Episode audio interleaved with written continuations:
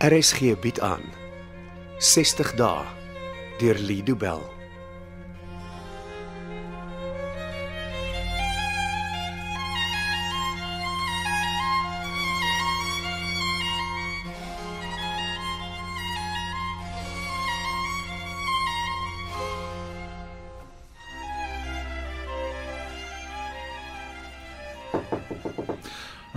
Seker Richie wat klop. Moet ek bly? Nee, nee, dis privaat. Ek moet hom praat oor my skei saak. OK, ek laat hom inkom. Dankie. Hallo Isel. Richard? Goeiemôre Karl. Môre Richard. My PA het gesê jy wil dringend met my praat. Ja, jy beter sit. Ons moet oor gewigtige sake gesels. Ek hoop nie dis so erg as wat jy dit klink nie. Dan af of jy besluit het om my teen te staan of nie. Praat jy oor sake wat deur Celesele en Vennote gehanteer word of jou private sake? Wat laat jou glo dat 'n senior vernoot sy sake met jou sal bespreek? Ek wou net weet, dis al. Natuurlik gaan dit oor die privaat sake. OK, ja, sê my wat jy wil sê. Trek die twee sake terug. Ons het al hieroor gepraat, Karl. So 'n gesprek het nie 'n einde nie. As die antwoord nee is, het dit wel 'n einde. Het jy met Susan oor gepraat?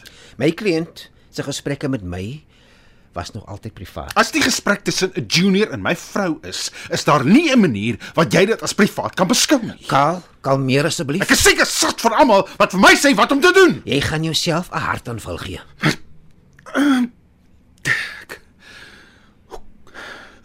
Hoekom wil sy dit juis nou doen? Hoekom my skop as ek reeds op die grond lê? Jy lê nie op die grond nie, Karl. Jy's so suksesvol soos wat jy nog altyd Dit is was. Ah, wat jy dink. Wat weet ek nie. Wat gaan aan? Ek kan nie daaroor praat nie, maar dinge is nie altyd soos wat 'n mens dink hulle is nie. Ek kan nie vir Susan vra om jou nie te skei nie. Hoekom nie? Sy's vasberade om haar lewe te verander. En ons huwelik te beëindig asof dit niks was nie. Is deel van hierdie verandering. Na haar tydjie by die Nova sentrum sien sy die lewe nou heeltemal anders. Daar was 'n rotine in ons lewens gewees. Dinge het elke dag gebeur soos dit moes gebeur. Die lewe het aangegaan. Sy wil dit nie meer so hê nie. Haar motorongeluk het ons lewens verander. En dit is die waarheid. Die waarheid is dat Susan nie meer met jou getroud wil wees nie en sy wil ook beheer oor haar finansies terugneem. Dit sal haar nie help nie. Ek kan nie die saak terugtrek tensy my kliënt my vra om dit te doen nie. Jy is al mens wat haar kan oortuig om dit te doen, Hoekom sou ek dit wou doen? omdat jy omdat ek jou dit vra. Man tot man. Susan moet so gou moontlik weer selfstandig wees. Hoe d- Richard, hoe dink jy sal sy dit regkry as sy nie meer alkohol as haar kruk kan gebruik nie? Sy's 'n sterk vrou, maar sy het ook goeie vriende wat haar altyd sal bystaan. Wa waartoe gaan jy? Waarheen gaan jy? Ek is nog nie klaar met jou nie. Moenie maak dat ek 'n derde vir jou bring nie. Ah, Kom terug, jou lafaard. hey, as iets my tref, né? Klaar ek jou aan verandering. Karl, hoekom los jy my so? Jou baas probeer my met sy skryfbehoeftes voortgooi. Karl, hou nou dadelik op. Gelukkig mag hy maar sleg. Kom, Eh, kom terug. Karl, jy het hulp nodig. Nonsens. Jy het mediese en sielkundige hulp Verlos nodig. my uit. Ek wil net alleen wees. Hoe kan jy jouself op kantoor so gedra? Ek doen wat ek wil. Die hele kantoor het jou gehoor. Jou pa se PA het kom kyk wat gebeur het. Regtig? Mense begin praat. Hm, Wat sê hulle? Nee, jy jy wil nie weet. Sê vir my self. Dit dis nonsens wat ek in die gange hoor. Wat? Maar net die konsensus in die gange is dat jou dae hier getel is. Hoekom is jy skielik so stil? Ek dink. Waaroor? Ek probeer dink wat sal gebeur. Wanneer? Jy weet ek maak altyd planne as ek hof toe moet gaan. Ek maak 'n lys van wat kan en nie kan gebeur nie. En dan besluit ek hoe ek die saak wil hanteer. Jy werk al jare so, ek weet. Nou maak ek 'n lys vir myself Wat is op jou lys? aan die kant van wat sal gebeur is daar slegs twee dinge. Maar ek glo daar kan baie meer as net twee goed Daar gebeur. slegs twee wat vir my van belang is. Ek wat is daardie twee dinge? Eerstens sien die ouditeure wat ek gedoen het en rapporteer my. En tweedens, Tweedens skei Susan van my en almal sien my vir wat ek is. en wat is jy, Kaal? 'n Bedorwe man wat nie weet hoe om met geld of vrouens te werk nie. Jy het ook die kuns van selfbejammering bemeester. Met goeie rede. Meneer Rex het laas nag gebel en het laat weet dat die ouditeure vroeg vanoggend met die oud begin. En nou? Hy het gesê hy sal vanoggend bel met inligting oor hoe ek dit moet hanteer. Wat het hy gesê moet jy doen? Hy het nog nie gebel nie. Ek sit soos 'n idioot en wag dat hy bel. Intussen moet ons doen wat ons kan. I- Is die boeke in orde? So goed soos laas keer, maar hierdie keer is anders. Hulle weet dalk waarna om te soek.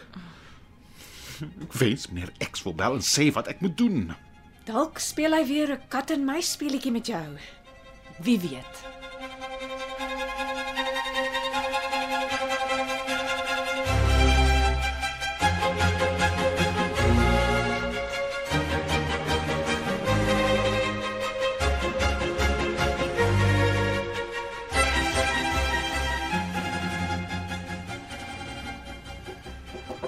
Panna, Kan ek asseblief gou met jou praat? as Kaal my weer wil sien, sal jy my PA moet vra. Sy het my dagboek. Ek wil privaat met jou praat oor jy weet. Ek is 'n bietjie onder druk met tyd, maar kom aan. Dankie. Kom sit en dan sê jy my wat so dringend is. Ek is jammer oor Kaal se gedrag vroeër, maar hy's onder vreeslike stres. Dis baie erger as wat ek gedink het. Jy weet Kaal is in my kantoor. Hy's weg vir middagete saam met 'n kliënt. Dit sal 'n lang ete wees met baie whiskies daarna, jy ken vir Kaal.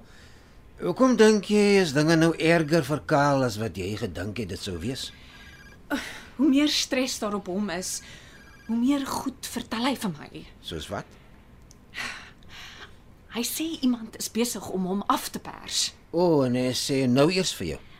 Ek vermoed dit moet oor sy trustfondsrekening wees. Het Kaal dit bevestig? Nee.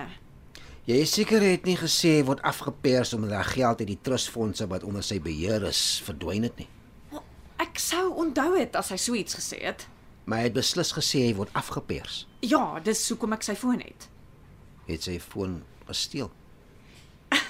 Nee. Hoe kan jy dit van my dink? Hy het die ding vir my gegee. Hoekom? Kaal sê daar's 'n man wat hom afpers en al kontak wat hy met die man het is oor sy selfoon. Waarom het hy die foon vir jou gegee? Wel, In geval die afperser bel, dan kan ek 'n boodskap neem. Jy moet die boodskappe neem van Kaal se afperser. Wat gaan aan met julle twee? Wel, Dis wat ek ook graag wil weet. Het die afperser al gebel? Nee, nog nie. Ek verstaan nie hoekom Kaal sy foon op kantoor gelos het nie. Hy wil nie gesteer word as hy met die kliënte besig is nie. Kaal se verlede is vinnig besig om hom in te haal, Hy het gesê ek moet die afperser vra wat om te doen. wat om waarmee te doen. Blykbaar het die man hom gister gebel en gewaarsku dat daar vanoggend met 'n nuwe audit sou begin word. Ek het nie kennis van so iets nie. Want dis net senior vennote en nie almal van hulle nie wat weet van die audit. En die afperser weet wat om te doen sodat die ouditeur niks vermoed nie. So iets, ja. Isel, ek weet nie of jy sulke inligting met my moet deel nie. Met wie moet ek dan praat? Ek weet nie. Die beste advies wat ek vir jou kan gee is dat jy vir jou 'n ander prokureur kry om jou te verteenwoordig. Wie? Ek kan nie sê nie. Maar as ek in jou posisie was, sou ek beslis nie iemand by Celie, Celie en Venote vra om my te help nie.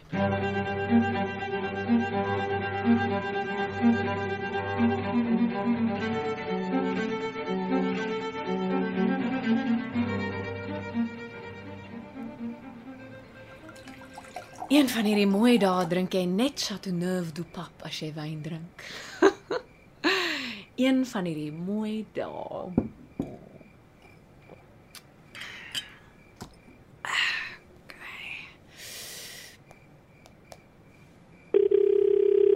Kom aan, Kaal.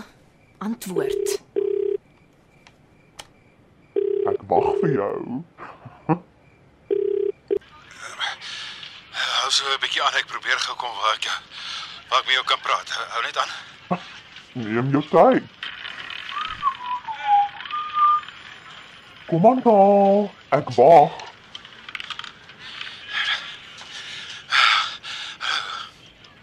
Hallo. Ek is hier. Waar is jy? Hang ons weer uit by die roulette tafel. Wat daarvan? Ek kan kasino toe kom as ek wil. Ek hoop nie jy dobbel vanaand met my geld nie. Ek wag al heeldag vir jou om my te bel. Jy jy het beloof jy sal vir my sê wat om te doen met die ouditeure. Het ek? Maar meneer X is regtig nie nodig om ekstra druk op my te plaas nie. Miskien nie vir jou nie, maar ek geniet dit vreeslik om druk te plaas.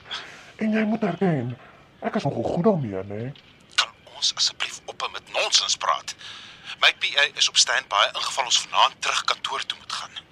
Dis vir my so wonderlik dat die twee van ons uiteindelik in 'n vennootskap is. En wat doen die kampstige vennootskap van ons? Dit bewaar ons geld. Dis nie ons geld nie. Dit behoort aan my kliënte. Oh, ek is bly om te sien ek het so 'n eerlike vennoot.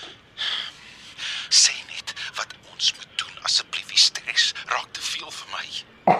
Ag nee, nie alweer die stres storie nie. Meneer E- X, wat moet ek met die boeke doen? Sê net asseblief. Jy is nie 'n goeie saakspeler nie. Is jy kalm? Wat? Daar is nie 'n oudit nie. Wat jy dan gesê daar is een wat vanoggend sou begin het. en jy het my geglo. Ja, Vuil. Uil. Nou weet jy wie's baas van hierdie plaas. Doen jy dit aan my? Omdat ek jou moet herinner dat ek in beheer is. Onthou Kaal, as meneer X sê spring, dan sê Kaal altyd: "Hoe mag meneer X?"